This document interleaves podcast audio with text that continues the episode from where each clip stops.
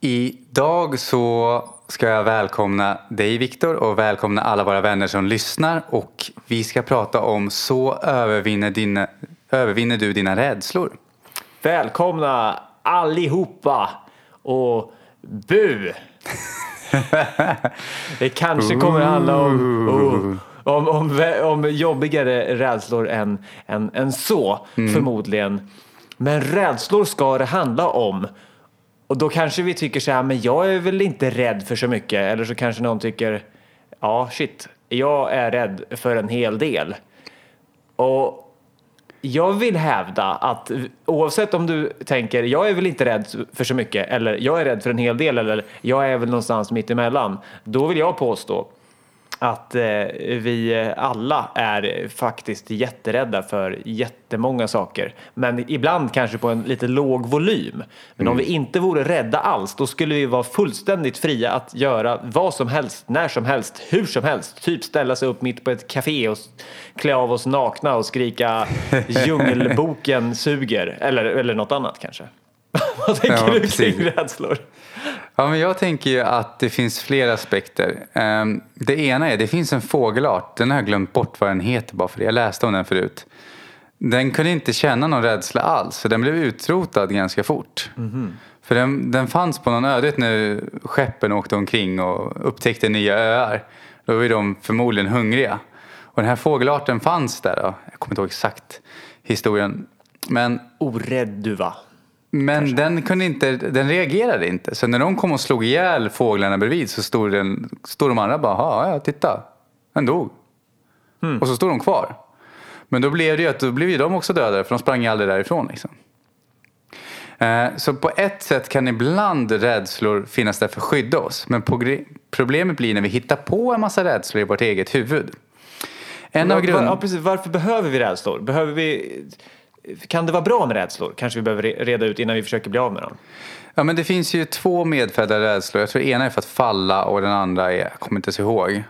Resten Höga på... höjder och höga ljud får jag för mig. Ja, det kanske är. Att det är våra medfödda rädslor.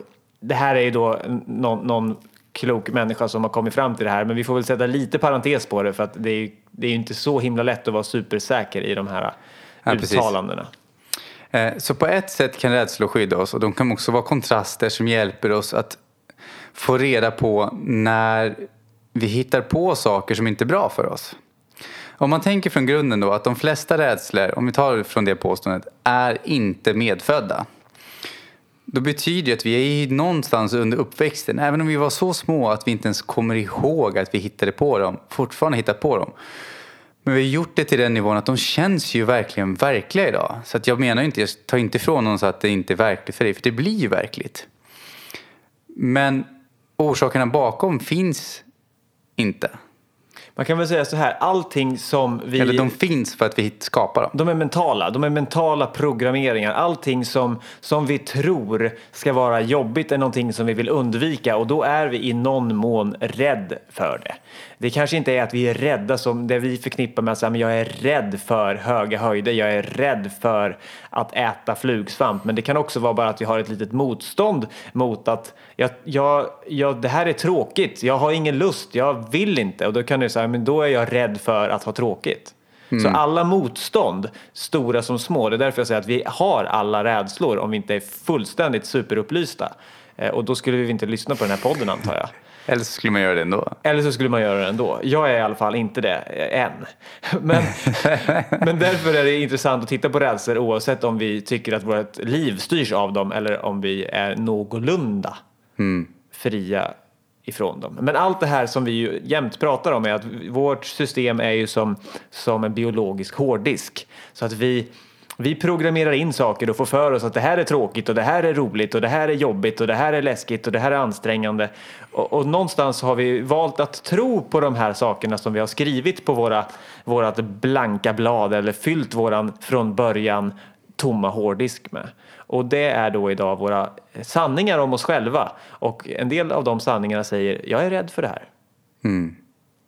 Och en del av undersökandet vi har gjort att känn efter när du lyssnar på det här, vad dyker upp inom dig? Har du rädslor som du försöker försvara? Att jag har minsann visst de här rädslorna, de är ju på riktigt. Och jag menar inte på att de inte är på riktigt. De blir ju på riktigt när vi hittar på dem. Men om man tittar även på vad forskningen visar så är det ju mentala rädslor som vi gör till verkliga och då blir de det. De får ju fysiska symptom. Det är som stress. Stress kan ju göra att någon går in i väggen. Även om det är mentalt så får ju det en fysisk grej och den blir så verklig att personen inte ens kanske Alltså jag vet ju själv hur jag var förr i tiden. Jag gick och oroade mig jämt och ständigt.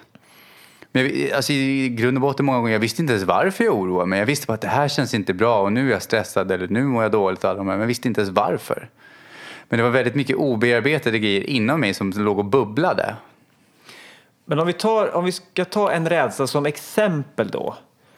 Och det här med att höga ljud och höga höjder skulle vara en, en medfödd rädsla. Jag, jag, tror att det kan vara så, men det är ändå, i så fall är det ändå en, en, en programmering för att det finns ju uppenbarligen människor som inte alls är rädda för exempelvis höga höjder. Man kan ju stå högst upp på en trampolin och om man ramlar så vet man att, att det, det är slut på den här, åtminstone kroppens liv utan att man är rädd från det. Så det går ju i så fall att den kanske trampolin. är programmerad. Jag tänker på en bassäng. Ja men, säger... ja, men det kan man stå. Men jag tänkte, jag tänkte på cirkus. Trapets Jaha. kanske det heter. Jag vet inte var. Ja, men Om man står, högt, står högt upp, på en cirkus. Ja. Och, eller på en bergstopp. Utan skyddsnät. Liksom. Ja exakt. Bergstopp som är blåsig med ett superstup framför dig. Mm. Så, så det är ju inget farligt om du inte, om du inte ramlar ner. Och det går ju att kliva upp där. Det finns ju människor som inte är rädda, vilket betyder att oavsett om det nu är medfött eller inte så spelar det ingen roll, för det går ändå att programmera av rädslan. Tror du inte att de känner rädsla och trotsar den ibland också? Att de får en kick av rädslan? Jo, det kan, jag, det kan jag i och för sig tänka mig. Men så här, att rädslor kan skydda oss, mm. det kan de ju på ett plan. Men om vi tar det en nivå till så kan de inte det. För att vad är farligast? Att stå högst uppe på en bergstopp när det blåser och vara rädd? Eller stå högst uppe på en bergstopp när det blåser och vara orädd? När har du liksom skarpast förmåga att hantera situationen och inte... För att när man blir rädd, då gör man ju orationella saker. Och då kanske man hoppar ner av galenskap. Mm. Så rädslor är ju inget att ha. Ska vi inte avskaffa det? Behöver man det? Jag tror inte vi behöver dem alls. Men behöver man vara utan dem? Jag tror att det är skönare. ja, men vi kan gå vi kan, den får vi lyssna vidare på. Men en av grejerna är att många rädslor baserar sig på att antingen att vi ska förlora någonting vi har eller att vi ska inte få någonting vi vill ha. Just att vi, ska, vi har någonting som vi är rädda att förlora. Ja. Det skulle vad nu bara se framför mig här. Jag har en, en, en, en, någon har en fin telefon.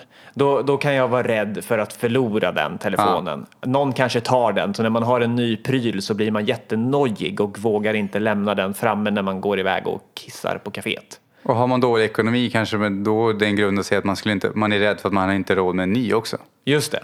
Så då fick vi två sidor av samma mynt. Om du har en telefon så är du rädd att tappa bort den och om du eh, det kan ju vara så här, om jag förlorar mitt jobb, då har jag ju ett jobb och jag, jag, är, jag är rädd för att tappa jobbet, men jag kanske också är rädd för att jag inte skulle få ett nytt jobb. Och så kan det ju vara om man är tillsammans i ett förhållande. Låt säga att någon är i ett förhållande och du vet, det, det, är inte bra men det är inte dåligt heller. Utan det, det är, liksom, det är okej. Okay. Det kanske har blivit så här slentriant och sådana saker. Och, eller så är det bara dåligt. Då kan man ju både jobba på förhållandet men ibland finns det ju en viss punkt i ett för visst förhållande som man kanske kommer fram till att när man har först analyserat och kollat vad man kan bearbeta inom sig själv, för det kanske kan läka själva relationen. Men när man har gjort det, titta på då, ja, men det är nog meningen att vi ska gå åt varsitt håll. Så finns ju en del som har en rädsla då att, men gud, då kommer jag vara ensam. Och i den här rädslan att vara ensam finns ju både rädslan att jag kommer förlora någon. Det kommer kanske kännas tomt. Vad ska jag göra utan? Vad ska jag göra utan honom eller henne liksom? Men det andra är att men tänk om jag inte hittar någon annan? Tänk om jag inte hittar någon som är lika bra eller eh, sådana saker. Eller bättre liksom. Det är ingen som vill ha mig. Jag tyckte, då, då har vi några bra exempel där. Om vi tar grunden igen, för jag tycker att det är så, så himla bra. Det finns, det finns två saker att vara rädd för. Och det ena är att vi ska bli av med någonting som vi har. Och det andra är att inte få någonting som vi vill ha. Precis. Det ena är alltså att bli av med någonting som vi har och det andra är att vi inte ska få någonting som vi vill ha. Och så kan man göra sina egna exempel där och undersöka de rädslorna som vi har och fundera på vilken av dem det är. Men skulle vi, jag skulle vilja säga så här. Vi har rädslor för vi upplever rädslorna. Alltså, alla vet ju hur det känns att vara rädd och då, då kan man säga så här. Om jag nu påstår rädslor finns inte, då kommer de säga det finns ju visst det, för jag känner ju rädslan.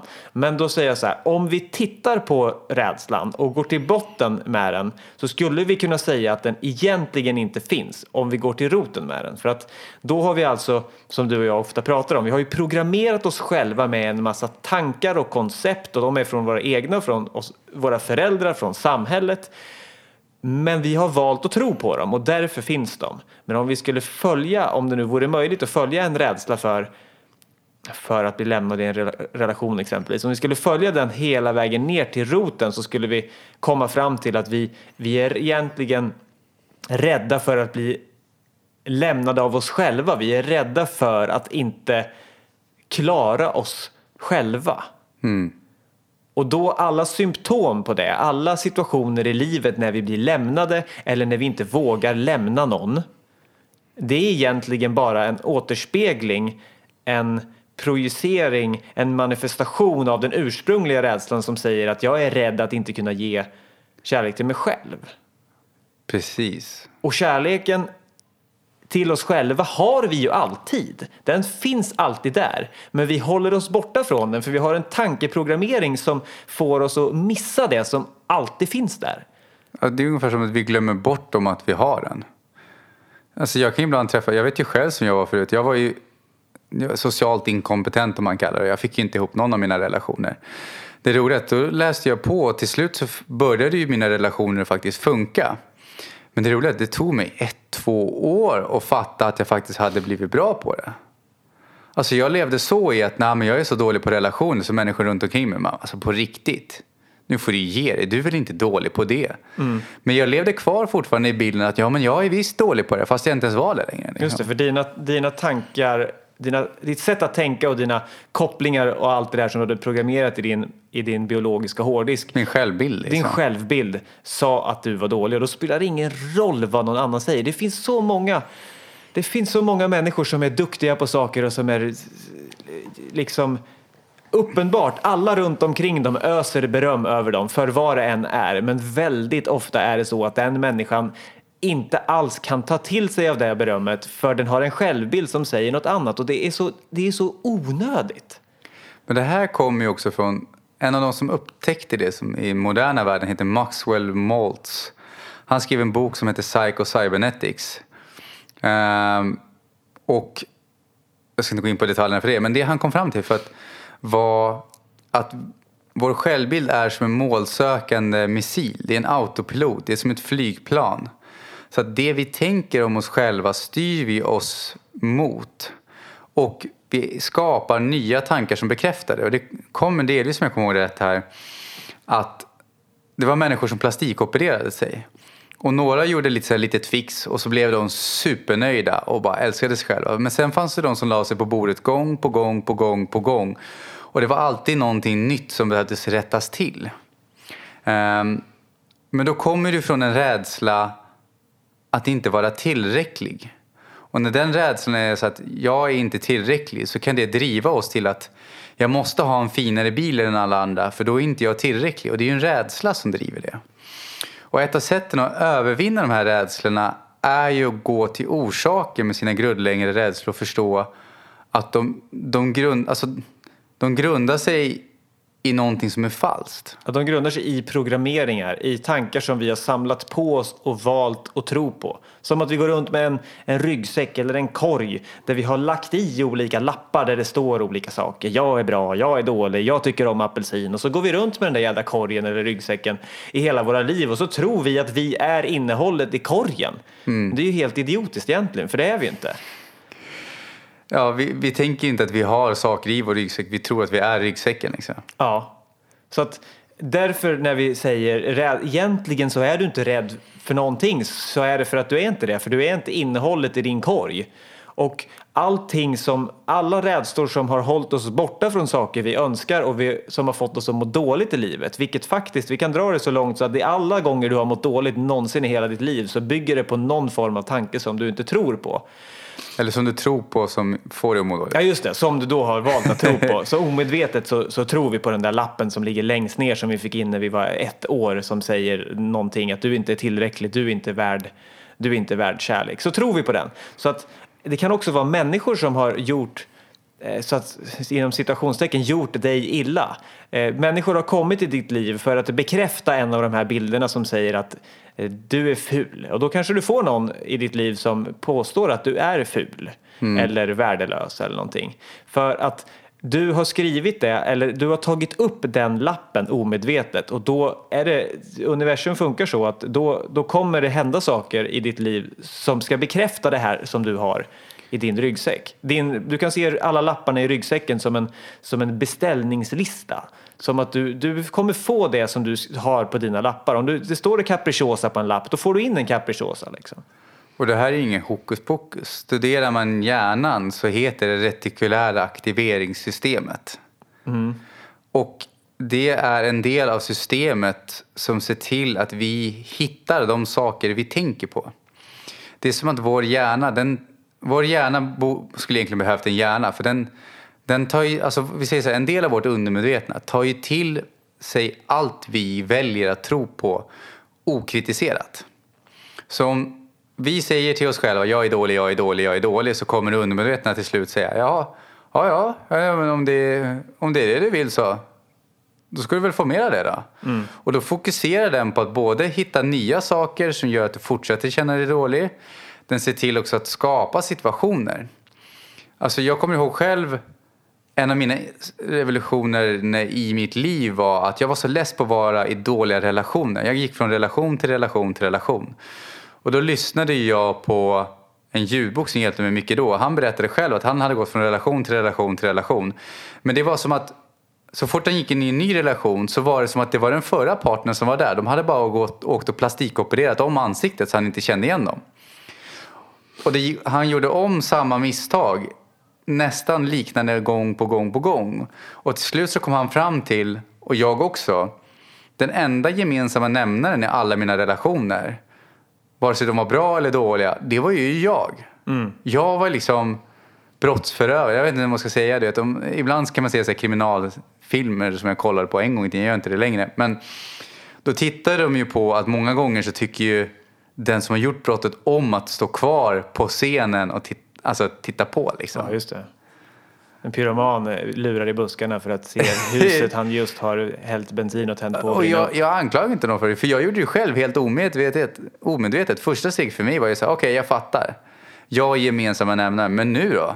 Vad är det jag gör? Jag fattar inte vad jag gör fel liksom. Mm. Så, så vi skapar hela tiden de här situationerna. Jag har samma upplevelse när jag har gått igenom mina förhållanden. Jag har ju varit tillsammans med liksom samma tjej i olika eh, utseenden och namn eh, hur många gånger som helst tills jag börjar fatta att eh, okej, okay, det är jag som drar till mig precis den här personen för att den ska trycka på precis de här knapparna så att jag ska fatta att det är inte hon som är problemet, det är jag. Mm. Och då kunde jag liksom Det handlar inte om dig, det handlar om mig. Men det här är på riktigt. Ja, det är på riktigt. Och det jag kom fram till efter alla de här förhållandena, det var den här egna upplevelsen av att all den kärlek som jag önskar mig från mina partners, det är den kärleken jag behöver ge till mig själv. Och puff, så hittade jag den. Till slut mm. så bara, oj shit, det är det här som jag har längtat efter alltid. Men jag hittade det när jag var singel, jag hittade det i mig själv och insåg att det är den här känslan jag alltid har känt när jag har varit kär eller förälskad. Och den är min. Den är min. Så att vi är inte rädda för någonting. Vi är inte rädda för att bli lämnade av någon annan än vår själv, oss själva. Det är vår programmering. Och när vi kommer på det, när vi får den upplevelsen att jag har allting här, då, då ryker det så jädra mycket ur den där programmeringen. Det är som att slänga ner och elda upp de där lapparna som står där som säger att man inte är tillräcklig och allt det här. Ja, det är en av de absolut alltså de viktigaste nycklarna jag vill ge i den här, när vi pratar. Det är liksom att i grund och botten så finns det alltid någonting hos dig att jobba på. Alltså, Ja, att elda upp skulle jag vilja säga. Elda upp, ja men alltså jobba på... Eller kan man upp. säga det? Ja men ibland kan det vara att man ska om, man behöver inte elda upp, det kan vara att man ska få omforma eller någonting. Men att alltid titta efter det. Och det kan, jag kan dra flera exempel här. Ena exemplet kan vara, ibland så kan det vara så, jag kommer ihåg att jag hade en vänskap för flera år sedan. Och då var jag på det här att ja, allt handlar om mig. Och då umgicks jag med en vän som pratade konstant hela tiden och lyssnade aldrig. Och då, då var jag inne i den här perioden att ja, det är mitt ego, så jag ska övervinna allt. Allt går att övervinna. Men en del av det jag kom fram till var, för jag var så här, ja men han lyssnar inte på mig. Och så vände jag till, okej, men om han inte lyssnar på mig, då betyder det att det är någonstans jag, inte, jag som inte lyssnar på mig själv. Och så var jag kvar där och så väntade jag kvar där. Men det som jag insåg var att jag trivdes inte med den här personen. Och ändå var jag kvar. Alltså lyssnade inte jag på mig själv när jag sa att jag, borde- jag, jag förtjänar någon, alltså jag vill inte vara kvar här. Jag vill ha Just någonting det. bättre. För du, den här personen hade attraherats till ditt liv för att reflektera din egen lapp som säger jag lyssnar, andra lyssnar inte på mig liksom. För du lyssnade egentligen inte på dig själv. Så att så länge du inte lyssnar på dig själv och sa nej tack, eh, jag, jag vill inte vara med dig längre. Då fortsatte den här personen att, att komma till dig. Så man kan säga att det vi, den vi egentligen säger till när vi säger så här, eh, tack det är bra nu. Det är att vi säger till oss själva att vi behöver inte stå ut med det här längre. Jag behöver inte ha den personen som förolämpar mig i mitt liv. Då säger jag tack det är bra nu. Jag tar inte det här. Det säger vi egentligen till oss själva och inte till den personen. Så att allt handlar om oss själva och det låter hårt fram till vi kommer på att det är en fantastisk frihet. Så alla de här eh, människorna som eventuellt har gjort ditt liv surt i stor eller liten skala, de har du faktiskt själv attraherat till ditt liv. Men den glädjande nyheten är att du inte du har all makt att, att säga det här, det här är inte okej och jag har attraherat de här på grund av att jag tror på att jag behöver bli behandlad så här. Exempelvis på, på grund av att jag tror på att jag förtjänar att bli behandlad på ett nedvärderande sätt. Eh, Men det är en programmering och programmeringen går att slänga bort och sluta att tro på. Och då kommer vi till delen nu, hur gör man det? Hur gör man det? Jag tror att det bästa sättet är just att prata om det på det här sättet som vi gör nu. Där man inser att vilket pris har det att hålla på och tro på alla mina rädslor när jag inser att det är bara jag själv som far illa av att antingen trycka ner mig själv eller att låta andra trycka ner mig. Så här, att, att tröttna på att vara rädd och säga att jag förlåter mig själv för att jag har plockat upp de här lapparna. Jag förlåter mig själv för att jag har sugit åt mig som en svamp när jag var ett litet barn och inte kunde göra något annat av föräldrarnas eh, värderingar och tro, av samhället, av våra vänner. Att inse vår egen oskuld i att det var inte meningen att skapa de här sakerna. Och att inte anklaga sig själv för att vi visste inte bättre. Exakt. Liksom så, ja, nu har jag varit dålig. Det är jag som har skapat allt det här skitet i livet. Ja, men nu suger jag ännu mer. Nej, men det är inte det vi menar. Eh, utan det är mer, tänk att vi kan hitta på allting. Då kan vi ju släppa taget om det också. Och en av grejerna som hjälpt mig otroligt mycket. Det är att oftast så grundar sig mina rädslor i barndomsminnen. Och då kan det vara Alltså idéer jag har fått för mig redan som liten. Och då kan det vara att jag, ett sätt att hitta sina rädslor det är om jag märker om jag blir irriterad på någon så grundar sig det ofta i en rädsla. Eller om jag blir frustrerad så är det också ofta en rädsla. Ja, alltid skulle jag säga. Ja, men jag säger oftast för det finns säkert Ja, en variabel jag oftast. inte har Jag hittat än. Liksom. Vi säger det för säkerhets skull. Ehm, och genom att då titta på, vi gör som ett exempel då, att om jag skulle bli, låt säga att jag skulle få sparken från ett jobb. Ehm, och så skulle jag bli irriterad på dem och säga så här att fan ta dem. Okej, ursäkta att jag svor. Hur kan de göra så här? Hur, efter allt jag har gjort för dem, hur har de mage att göra på det här sättet? Förtjänar inte, jag förtjänar bättre än så här. Ja, men om jag blir irriterad på dem så är det ju fortfarande en grunden en rädsla. Om jag skulle titta djupare på det här Vad skulle du ställa då för frågor Viktor för att vi hjälper de som lyssnar ännu mer? Jag skulle tänka så här. Jag, jag förtjänar inte att få den här behandlingen. Om, de, om du känner så när du har blivit sparkad från ditt jobb. Då, då, min första tanke som poppar upp är så här. Varför skulle jag överhuvudtaget vilja vara kvar på ett jobb där någon behandlar mig så här? Ja, Och då, för då säger jag det är inte okej att be behandla mig så här. Då tar jag upp den lappen ur min ryggsäck som säger det är okej att behandla mig som skit. Och så säger jag det är inte okej. Jag tror inte på den här lappen längre så jag tänker inte gå med på det. Så då säger jag att jag vill inte vara kvar på ett jobb där någon behandlar mig så här. och även titta på varför behandlar jag mig så som jag tror att de behandlar mig? För det är aldrig någon som behandlar oss på något sätt. Det är vi själva som... som eh, Alltså, du, ingen du kan, kan- säga vad som helst till mig men det är jag som medvetet eller omedvetet väljer att plocka upp det. Du kan, ge, du kan psyka mig för att jag har en ful tröja men det är ju bara om jag själv tycker att den är ful som det kommer göra ont Mm. om jag ska bry mig. Och jag har ju själv erfarenheter av att umgås med ah, mytomaner, jag vet inte om man ska kalla det psykopat eller gud vet vad liksom. Som är lite snirkliga och kan lura dit en ganska rejält. Men grejen är som har varit i mitt liv, jag brukar alltid fråga mig själv, en av de största vinsterna har varit det, mår jag bättre av att gå och älta det här? Alltså mår jag bättre av att Alltså rädslor kan vara att, låt säga att någon har gjort mig, sårat mig en gång i tiden. Och om inte jag förlåter personen ordentligt så är det lätt hänt att jag går och är orolig för att gå in i en ny vänskap eller gå in i en ny relation. För, eh, tänk om det blir likadant igen. Tänk om jag blir sårad igen. Tänk om någon gör slut. Tänk om jag gör det här. Tänk om någon lurar mig på pengar. Eh, alla de här grejerna är ju baserade på en rädsla av att jag ska förlora någonting igen. Mm, just det, det, det här har hänt förut så nu är jag rädd att det ska hända igen. Och vi använder historien som ett sätt för att bevisa vår framtid.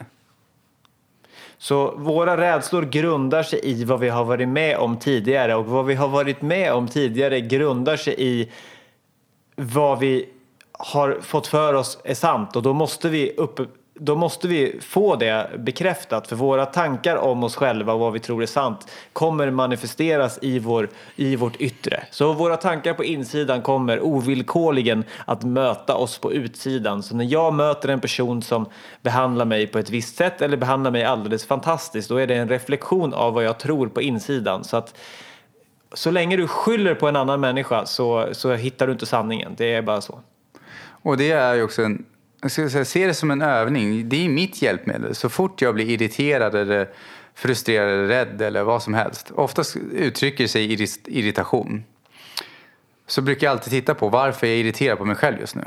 Och det gör ju att jag kanske inte alltid kommer på svaret direkt. I början tog det väl, alltså jag fick vrida och vända på det här en hel del. Och Jag jag kan tänka mig du som lyssnar också får göra det ibland. För ibland så kommer svaret direkt. Ah, men där vet jag, det var jag rädd för det här. Och ibland kan det ta två månader innan vi kommer på svaret.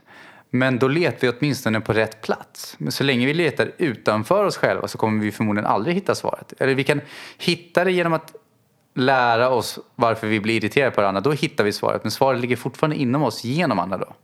Och ju mer vi gör det här, ju mer vi gör den här äh, introspektionen, den här äh, självundersökningen, desto mer kommer vi lära oss att, att äh, vad jag än har varit med om så har jag varit med om det för att jag har trott på att jag någonstans förtjänar det. Vi behöver förlåta oss själva för att lida för någonting som har med vårt förflutna att göra och inse att det är saker som vi har plockat upp för att vi inte visste bättre och omedvetet. Så vi är alla absolut oskyldiga. Ja, det kan man säga att vi är ju oskyldiga för när vi gör någonting baserat på att vi inte vet. Alltså, så tänker jag också förut att min mamma och min pappa, alltså jag har aldrig träffat min pappa. Och om jag skulle gå och vara arg på honom resten av livet, så att han gav mig inte dittan och dattan och alla de här grejerna. Så att, ja, men han gjorde ju det utifrån vad hans bästa. Hade han kunnat gett mig mer så hade, och, alltså hade han varit kapabel till att ge mig mer kanske han hade gjort det. Men nu gjorde inte han det. Och inte anklagar jag honom för det, för att vara en dålig människa, alla de här grejerna. För det får inte mig att må bättre. Alltså, det är vilket pris betalar vi? Och när vi, när vi är rädda för någonting så mår vi ju dåligt. Då är ju frågan, vill jag betala det priset? Och ibland kan jag göra så att när jag sätter sett, jag sett ett nytt mål då dyker ju i början rädslor, rädslor upp. Och då, det brukar jag göra då att jag tittar på de rädslorna och släpper taget om dem för att kunna nå målet på ett behagligt sätt. Så man inte behöver tvinga sig själv konstant hela tiden. Liksom. Mm. Eh, jag, jag, skulle vilja, eh, jag skulle vilja sammanfatta det här som vi har pratat om i, att, i två punkter eh, för, för att runda ihop det lite. Och då säger jag så här. Ett, du är orsaken till allt som händer i ditt liv. Två, du är fullständigt oskyldig till det som händer i ditt liv. Eller har hänt. Hänt eller har hänt eller kommer att hända. För det du egentligen är, det är den där egna kärleken som vi alla har men som vi genom missförstånd håller oss borta från. Så alla dina rädslor är ett missförstånd. Du är den som har skapat missförståndet men du är totalt oskyldig eftersom det bara var ett missförstånd. Och omedvetet. Och, omedvetna missförstånd. Och där du egentligen är, är det som är bortom missförståndet och det är den där självkärleken. Ja, och det som är då är att när grundkärnan, en av dem i rädslor är att vi inte känner oss tillräckliga. Att vi behöver alla de här grejerna och vi har många av de här som grundar sig i huvudkärnan jag är inte tillräcklig. Och det jag vill avsluta med är vi är så mycket mer än tillräckliga. Vi är så mycket mer än bagaget, än vår historia, än nuet, än framtiden. Vi är så mycket mer än bara vår fysiska kropp. Men så länge vi tror att vi är vår historia, vi är våra känslor, vi är våra tankar så är det lätt hänt att vi slukas upp av det. Vi sitter ihop med det och då missar vi den kärleken som vi egentligen är i grunden. Om någon av oss sitter och känner det där, den där kärleken har jag aldrig känt och det känns som ett motstånd. Varför pratar de om det hela tiden? Då vill jag bara säga ditt motstånd beror på att det är sant men det finns en undermedveten tanke hos dig som inte vill erkänna det för att den vill hålla dig borta från den här kärleken. För du har en programmering som säger att du inte är värd den. Det enda jag kan säga är att det är inte sant. Mm. Då får jag avsluta med att jag älskar dig Viktor. Jag älskar dig som lyssnar och jag älskar mig själv. Jag älskar alla. Jag älskar dig Fredrik. Jag älskar alla som lyssnar, älskar alla som inte lyssnar. För jag älskar mig själv och det är samma kärlek som vi alla har. Precis, vi är kärlek. Tack! Tack! Vilken fin avslutning. Det är den bästa avslutningen i Lyckopoddens historia tror jag. Mm. Hittills. Om vi jämför. Ja.